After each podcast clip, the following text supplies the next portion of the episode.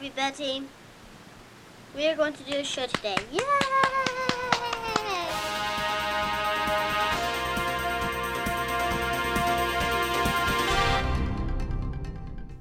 Hej och välkomna till avsnitt nummer fem av Nyhetskorrarna med mig Filip. Mig Rebecka. Och mig Josefin. Hur mås det idag? Ja, men bra, tack. Mm, bra tycker jag. Du då? Ja, det är lite så här som vanligt. Våren, slasken är här. Man känns bara allmänt så här, "Ugh, vill ha sommar. Mm. Men annars är det bra. Också fredag eftermiddag. Då, Ja. Dålig dag att ens fråga typ hur någon mår. Ja, och det är typ så här när man pluggar så är det liksom inte det här, åh, helgkänslan. Nej. Eh, speciellt när man skriver C-uppsats. Mm. då man har ett konstant moln över sig i två månader. Men jag är taggad på podd, är ni? Ja, Otroligt. Otroligt! Vad ska vi prata om idag? Ja eh, jag ska prata om eh, Sverigedemokraterna som eh, vill byta ut lite konst i Stockholms tunnelbanor. Ja, jag ska prata om liksom en satsning från Sveriges kommuner. Ja, vad kryptiskt, men Mm. så är det med det. Och jag ska prata om en svensk förening som beskrivs som Nordkorea. Wow. Åh! Välkomna till veckans podd. Välkomna. Välkomna.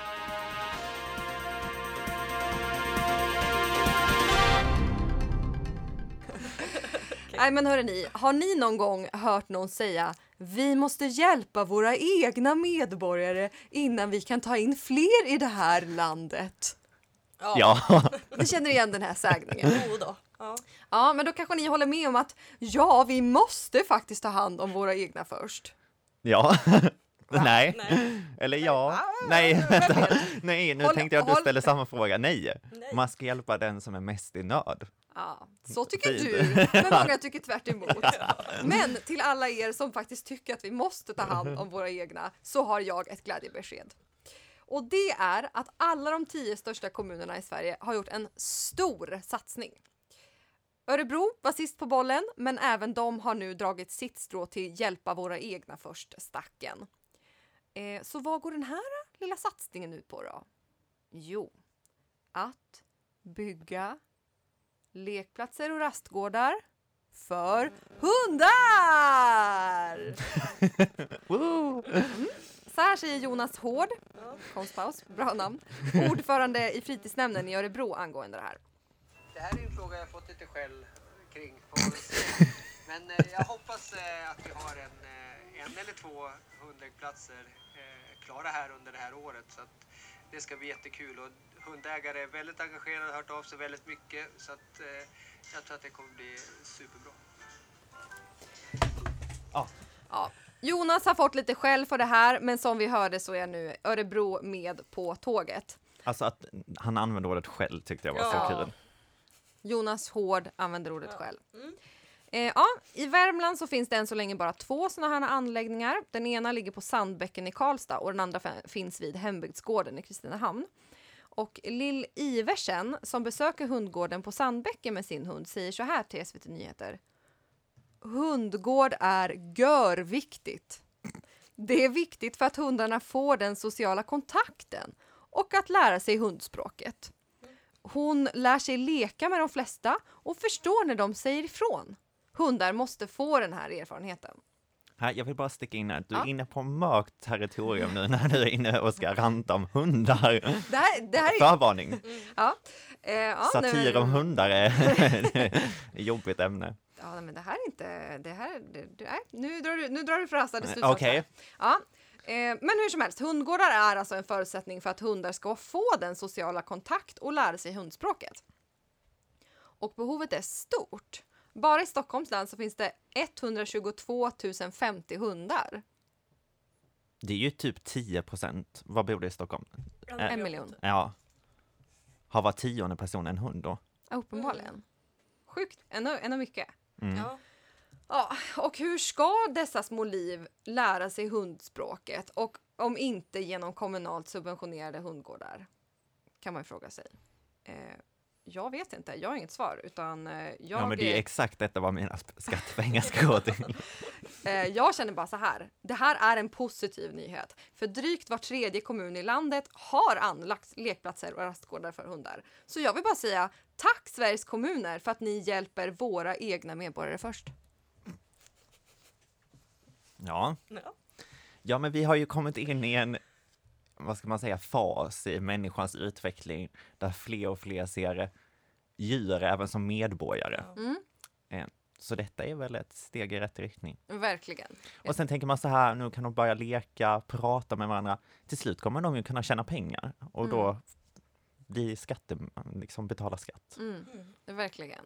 Hur ska de annars liksom veta om sin hundidentitet? Exakt. Ja. Det är väl bra med ett lite separatistiskt rum för hundarna kanske? Ja. Mm. Ja, nej, men jag känner det är väl jättebra att de eh, tar tag i den här frågan Mm. eftersom att det eh, är så många hundägare som är väldigt engagerade i det här. Vilket inte är så konstigt då eftersom att alla tydligen är hundägare. Ja.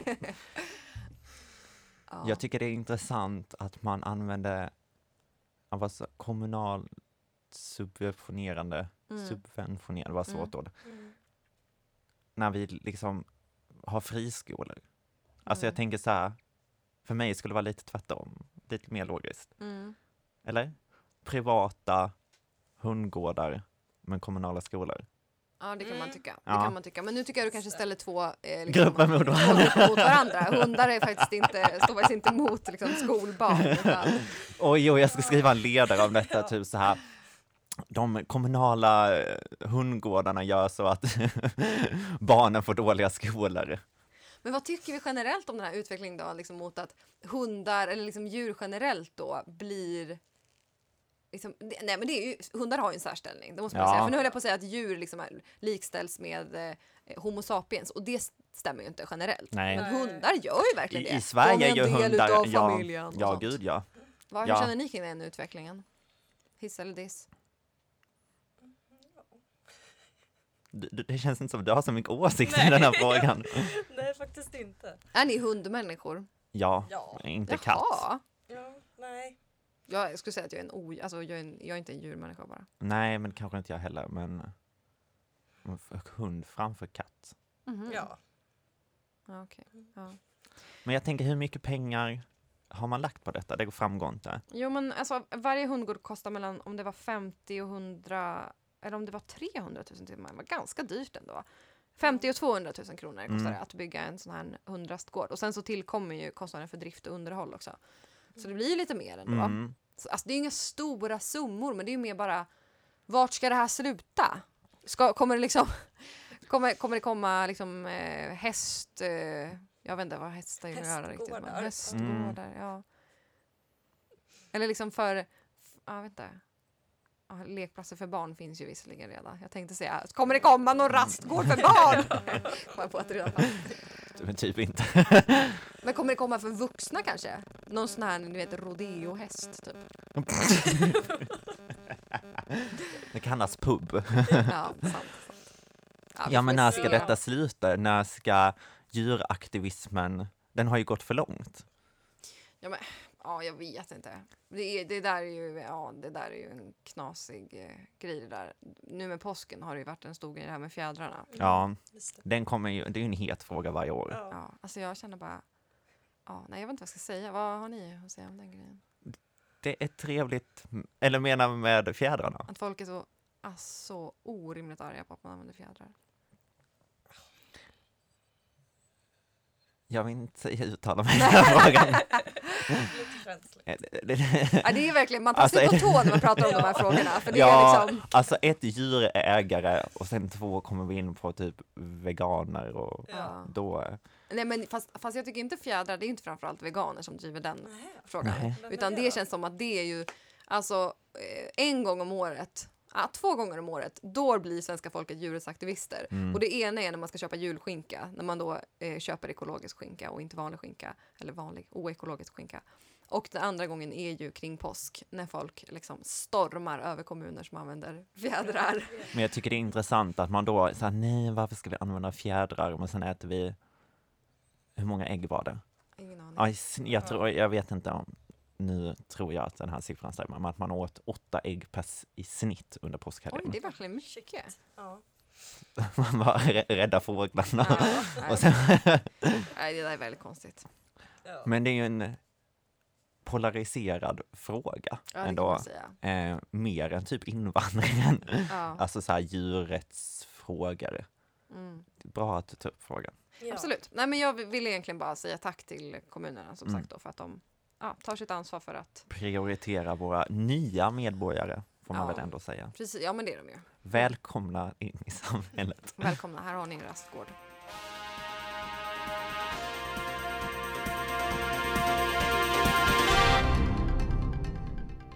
Ja, eh, SD har ju gått ut och kritiserat konsten i tunnelbanan och eh, specifikt då Liv Strömquists bilder som hänger i Slussen eh, som föreställer menstruerande kvinnor. Men de har inte bara kommit med kritik, de har ju också kommit med ett eget förslag. Eh, och då föreslår de en 1700-talsmålning föreställande Stockholm. Sverigedemokraten Per Karlberg förklarar i en intervju i DN att man vill ha mer konst som har en lokal förankring. Liv Strömquist intervjuades också i DN, eh, men hon uppmärksammade även kritiken på Instagram där hon la eh, en printscreen över den bilden som, som SD hade lagt ut och under hashtaggen entartet är kunst. Vet ni vad det är? Nej. Eh, entartet är kunst eller översatt till svenska urartad eller degenererad konst. Det var alltså ett begrepp som användes av Nazityskland för att beskriva den dåliga konsten och för att misstänkliggöra moderna konstriktningar. Man skulle övertala borgerligheten om vad god konst var eh, och med syfte att styra deras smak. Och som konsekvens av detta så infördes det yrkesförbud för konstnärer som verkade inom eh, modernistisk konstriktning. Och dessutom så plockades verken ner från museer. Men i den här intervjun då med DN så frågar de eh, Per Karlberg eh, om det inte är någonting positivt med konst som provocerar och väcker frågor. Eh, och då svarar han så här att ja, men det är väldigt många som har hört av sig och är väldigt upprörda över den här konsten. Vänta, Eh, har de hört av sig till Sverigedemokraterna? ja, uppenbarligen. Men det är säkert Jaha. många svärdemokrater kanske som tycker att den här konsten är dålig. Ja, men jag känner ändå att... Eller, fortsätt, förlåt. Ja, nej, nej. Eh, men eh, han, han säger ändå att sådan konst får gärna visas, sådan konst får gärna visas upp, men kanske inte i Slussen då. Och han säger, ofta att de, eller han säger också att de inte vill förbjuda något, men att eh, med deras konst så skulle det bli lite snyggare då, med den här lite mer klassiska konsten. Ja. Eh, Liv Strömquist säger i intervjun att hon trodde att det var någon som paroderade på Sverigedemokraterna och att det hade varit bra och rolig satir. Men Jättebra. nej, tyvärr, det var ingen som paroderade på Sverigedemokraterna och om de nu inte paroderade sig själva. Så vi kanske ändå ska ge en eloge till att det var bra satir. Mm, verkligen. Men var det första april? Nej? Nej, Nej. Det, men det var typ dagen innan. Ja. Eh, 29 mars tror jag. ja. Så att, ja, det, det hade ju varit kul om de hade så mycket självdistans att de skulle så här, våga koppla sig lite med Nazitysklands Mm. konstposyn. Mm.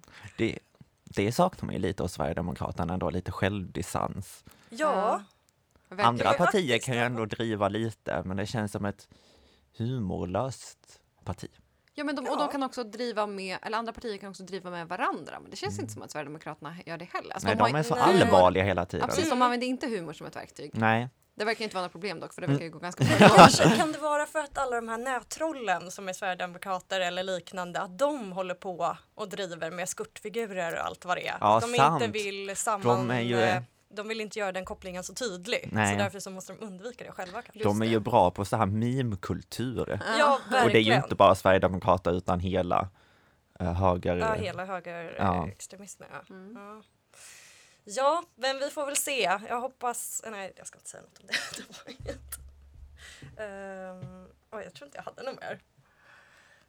Nej, Nej. det är helt, det är helt okej. Men alltså, de har alltså reagerat på det här nu, Ja, dagen innan första april. Jag känner bara, hur kan ni reagera på det här nu? Den här konsten har ju varit där, den kom väl i höstas ja? Alltså, den Men då var det ju så liksom mer, länge. det var ju fortfarande generell kritik Ja, men Mm. riktad mot eh, både Stockholms stad väl för att de Mm. tog väl, Mm. var det inte någonting att Stockholms stad la sig i eh, offentliga debatten eller SL om det var någonting sånt. Mm. Typ man riktade kritik till varför skulle typ pengar gå till Liv Strömquist för aktivism, typ någonting Ja, sånt. säkert.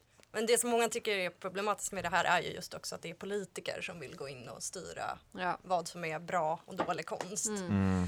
Och det Eh. gjorde ju verkligen de här, att de bara om vi Mm. skulle liksom få bestämma då skulle det vara bra konst. Det, eller, det kanske inte Lite var exakt så. lokalförankrad, någon sån här Mm. romantisk bild på Stockholm. Och, ja. Ja, nej, konstigt Lite uttryckt. klassisk Det kanske inte sa exakt så i och för sig, men det är ju verkligen då har man ju missuppfattat konst va? om man tänker att det finns bra och dålig konst. Tänker jag. Men framförallt, de kan ju tycka att den är dålig. Ja, men det är verkligen. väl bara farligt om de går in och ska bestämma vad som är bra och dåligt. Mm. Istället för att låta i sådana fall då dålig konst finnas. Alltså Mm. det är det som är det vanliga tänker jag. Men återkopplat till det jag sa innan, Mm. varför vänder man sig till Sverigedemokraterna? Ja, ja, när ja. frågar, även om man är sverigedemokrat och är, Mm. inte tycker att detta ska finnas, Mm. då hade jag riktat Alltså, jag hade gått till någon annan och sagt detta. Ja, verkligen. Ja, Ja, det är jättekonstigt faktiskt. nej det vet Mm. jag faktiskt inte. Men det är tydligen många som har hört av sig till Per Karlberg. Men det är väl att de Mm. känner så här, här får jag bekräftelse, här får jag liksom Ja. med säkerhet bekräftelse på min känsla. Liksom. Men om jag Mm. vänder mig till SL då kommer ju de bara säga, ja men vi, så här, vi försöker visa olika saker och vi har Mm. våra platser som man kan köpa, man kan köpa de här annonsplatserna och nu har de gjort det och alltså så, vi kan inte säga nej till någon kanske. eller Nej, något. detta är inte annonsplatser. Liv Strömquist har ju fått betalt för att få hänga där. Ja men jag menar, det är väl S- eller jag vet inte om det är SL som äger de platserna Ja, i exakt, ja. tunnelbanan. Så att Mm. någon har ju åtminstone betalt SL för, att, för det utrymmet, liksom, Ja. även om det inte var Ja. en annonsplats. Mm. Men ja. Ehm, Men jag tänker de kanske är lite arga över det här som hände i Stockholm, var det tre år sedan, när de satte upp på Östermalmstorg, Ja, just eh, sin reklamkampanj. De Ja. kanske fortfarande liksom så här Ja, sårade över det. ja, långsura. Ja, ja, nu verkligen. så här tre år senare, men vi fick inte vara där, nej men då ska inte Liv Strömquist heller få vara där. Nej. Så Nej. därför har vi neutral konst från 1700-talet Ja. istället. Men Livs hänger ju bättre. Man når ju inte den. Man Nej, kommer inte gå över. Ska man ju på man kan inte-. Annars hade de kanske velat riva ner det. Men det, det går kanske är det de är sura över Men det är ju- egentligen. Jag Mm. tror att det är några av verken faktiskt som har varit utsatt för skadegörelse. Ja. Mhm. Och några andra verk på Fridhemsplan som också ansågs lite kontroversiella då av Mhm. Sverigedemokraterna. Så att de har väl varit ute på spåren också kanske. Ja. Men eller så är det liksom återigen det här att de då vill vara lite mer seriösa och inte skämta om det utan då går de istället till politiken. Så här, det här det är i och för sig ganska bra tänkt om man nu reagerar på någonting att man tänker så här okej, nej men det är inte SL som bestämmer. Det Egentligen så är det ju politiska beslut för politik är allt Mm. kanske man tänker. Och så går man då till SD. Så det är kanske egentligen ganska bra tänkt att man Ja. då tänker ska jag förändra det här, det här lilla konstverket då ska jag förändra det stora systemet och det Mm. gör jag via politiska Ja. beslut. Så att ja, egentligen kan man tänka att det är ganska klipskt tänkt utav eh, de som har vänt sig till SD. Sen är ju SD också the bigger man här då, om man ska jämföra vad vänsterpersonen gjorde med deras Ja, reklam, rev- rev rev ner det. det. Liksom, Just här det. är de liksom så här, nej, jag tänker inte sjunka till den nivån, Nej, utan jag ska verkligen. ta upp detta i en politiska debatt. Ja, Ja. och komma med ett eget förslag. ja. Ja, det är ju faktiskt väldigt moget. Ja, verkligen. det är också att komma med ett eget förslag, Ja. också sällan man ser i den svenska politiken. Ja, Ja, ja, verkligen. till skillnad från Socialdemokraternas eh, annons som du pratade om förra veckan när de hade vänt eh, Karolinska Ja, upp och det. ner. Ja. Ja. Det Ja, Ja, den borde ha verkligen. riv- rivits ner Ja, också. verkligen. Kanske de ska Jag har inte sett den nu. Men de kanske har tagit ner den. Ja, de Eller den kanske var en jättekort grej bara. Ja, ja, jag vet Eller så har folk rivit ner den då. Ja, Ja. det. Moderater gick och rev Mm. ner den. Kanske.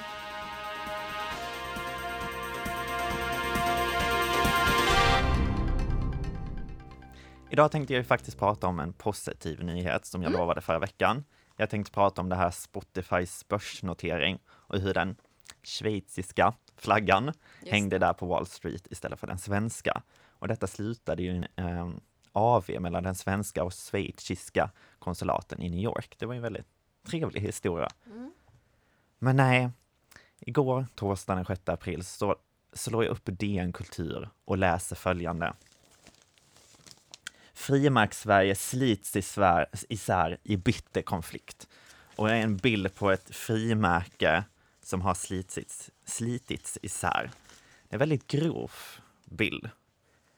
Eh, rubriken lyder sen inne i, i tidningen. Svenska samlare i hobbykrig. Det är rena rama Nordkorea. Wow. Oj, oj, oj, oj, oj. Jag vill påstå att Sverker Elenas har hittat årets berättelse. Detta är så intressant. Det är mer drama än ett avsnitt av Paradise Hotel. Välkomna till Filatelisternas hotell.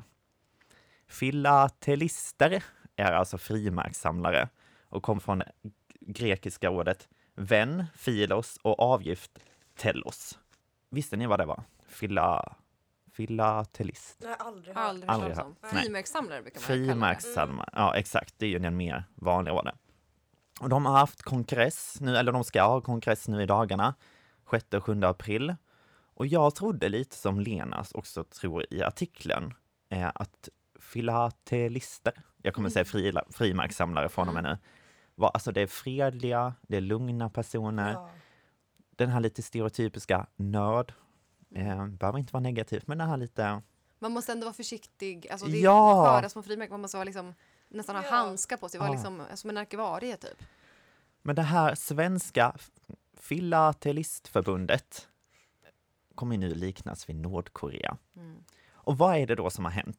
Jo, låt mig reda ut Lenas otroliga fynd för er och för lyssnarna.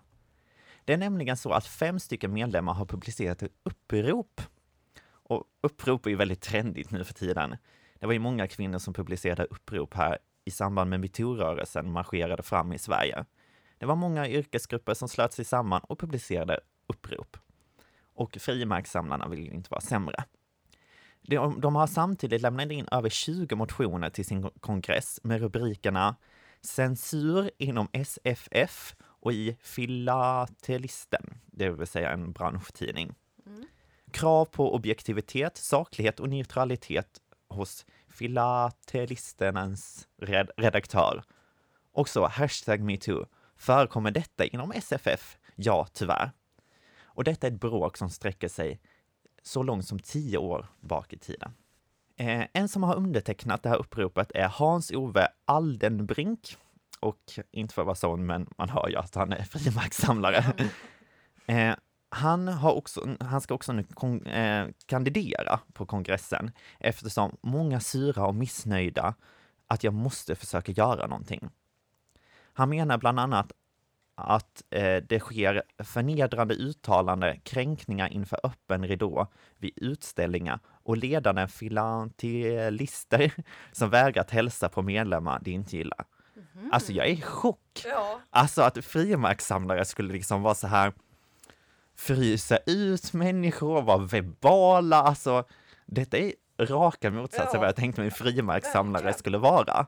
Jag fast frysa ut tänker jag ändå. Alltså, min, min eh, fördom är ju att eh, frimärkssamlare kanske inte är jätte liksom, socialt kompetenta och kanske inte tar jättestort socialt ansvar. Nej. Och då kan det ju råka uppstå utfrysningssituationer. Jag menar inte att säga att det är okej för det. Nej. Men liksom, det, det, det kan jag ändå Mm. förstå. Men att man går på varandra mer verbalt om jag uppfattar det rätt. Alltså det känns ju... Det, Ja. Då måste man ändå Det kack, kan man vara lite likna kaxig. det här med så här, eh, bokmärkesutbyten kanske i lågstadiet. Ja, man men alltså, ja, alltså, man inne inte på- byta med den som hade Nej. jättefula Ja. bokmärken Mm. utan den frös man ut. Mm. Är det det de håller på med? Eller vad är det för kritik? De... Ja, men jag kommer lite Ja, till det, men ja. man är ändå chockad för Ja, liksom så här, jag tänkte inte alls frimärkssamlare höll på med de här psykiska spelen. Nej. Det var liksom, det tänkte jag att det kanske därför lite man är frimärkssamlare, för att man inte vill Mm. hålla på med det här sociala fulspelet. I alla fall, Björn Sorne, en annan som är med här, han blev utesluten 2012 ur utställningskollaget, kollagiet, nej, idag är inte orden med mig, UK eh, kallas det. Och UK är liksom en grupp inom SFF eh, som bland annat utser jurymän till frimärksutställningar. Och det är tydligen så här att man kan vinna priser och det är liksom de sätter poäng och så vidare. Och att då bestämma jurymedlemmar är ganska mycket makt. Samtidigt påstår kriti- kritikerna här att den här slutna gruppen har utnyttjat eh, föreningen för miljontals pengar och bland annat köpt rese och litteraturutgivningar och utställningar ja, för då miljontals kronor. Samtidigt som de då utövar sin makt i något metoo-liknande sätt. Mm. Men för att förtydliga, det har inte varit några sexuella trakasserier utan endast makt. Så hur mycket metoo Ja, metoo grundar sig i sexuella trakasserier men Mm. blev något större. I alla fall, kritikerna menar att de bara är lyx medan de andra är rädda, det vill säga Nordkorea. Eh, Och det var så att Björn blev utesluten från denna grupp helt utan förvarning. Utan han bara helt plötsligt fick inte vara med. Och jag förstår ju att han är ledsen om man får bada i lyx och sen inte får vara med längre. Alltså, Verkligen. jag hade också blivit ledsen. Men nu står han på andra sidan.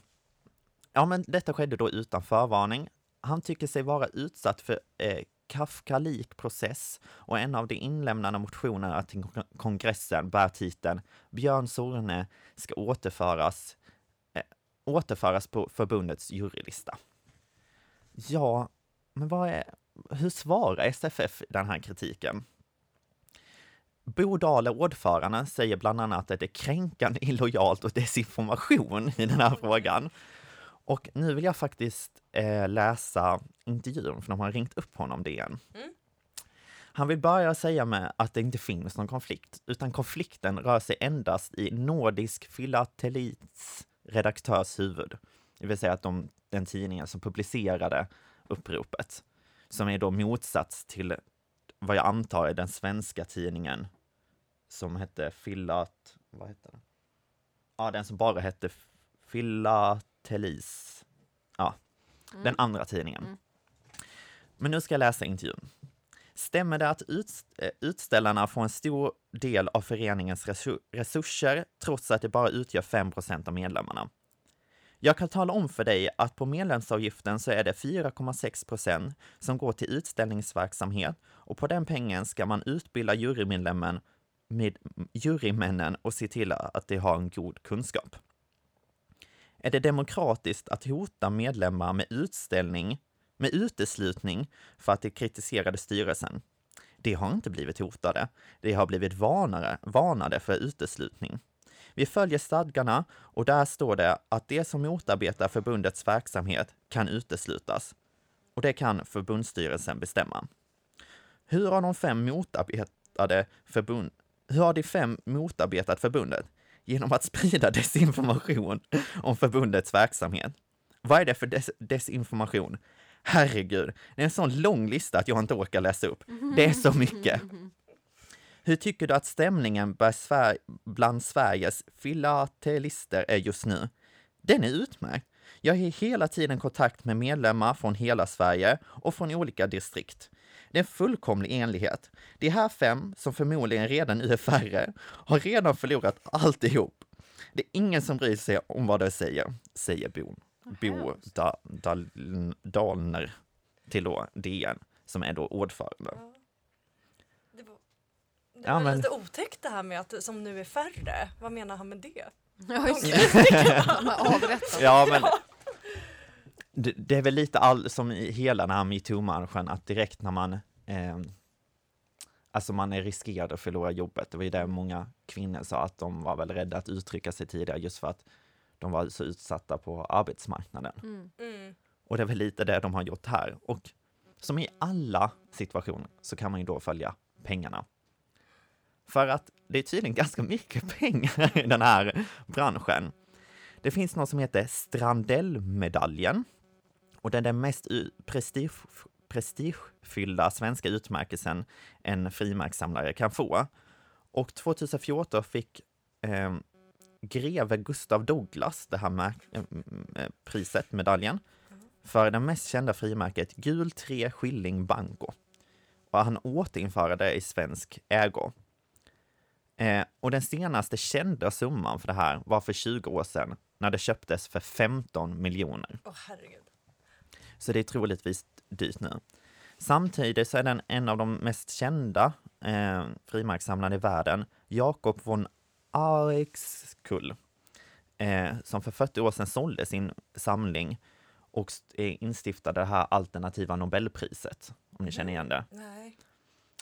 Fan, det heter någon typ så här Ja, men det är i alla fall man ger pris till så här lite udda forskningsprojekt. Mm, mm. Till exempel vet jag att någon, en svensk forskare vann för att han hade undersökt ljudet av f- f- eh, fiskar som fiser. Ja, just det. Och det ja. låter likadant som ubåtar. Så ja, Ja, med sådana typer av priser.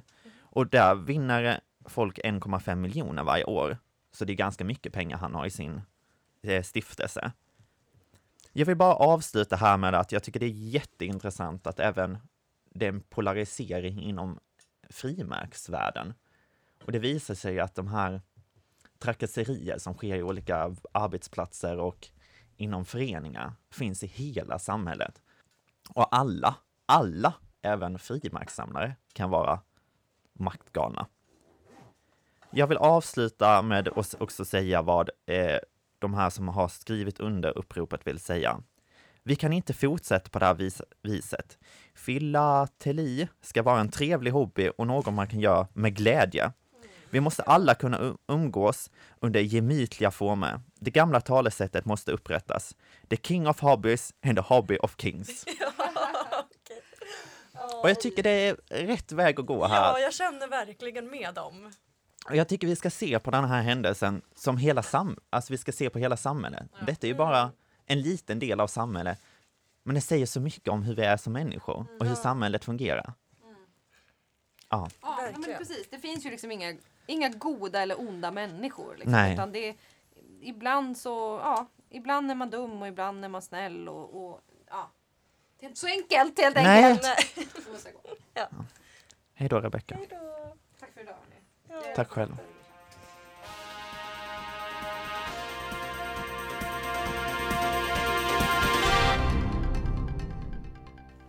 Ja, det blev en eh, kort och snabb podd, men det var för Rebecka var tvungen att lämna oss också. Hon Ja. var lite stressad till jobbet. Men eh, inte sämre för det. Nej, Nej, inte. det var tre eh, späck, eh, späckfyllda, säger man så? Ja. Ja, språket idag. Ja. Eh, med mig. ämnen. ja, mycket information på kort tid. Ja, Lite som Ekot. Nej, nu ska vi inte överdriva här. Men eh, vi tackar för denna veckan. ja, tack så mycket. Hej då! Och tack Rebecka. Ja, tack Rebecka. Shout out Hej då. Hej då!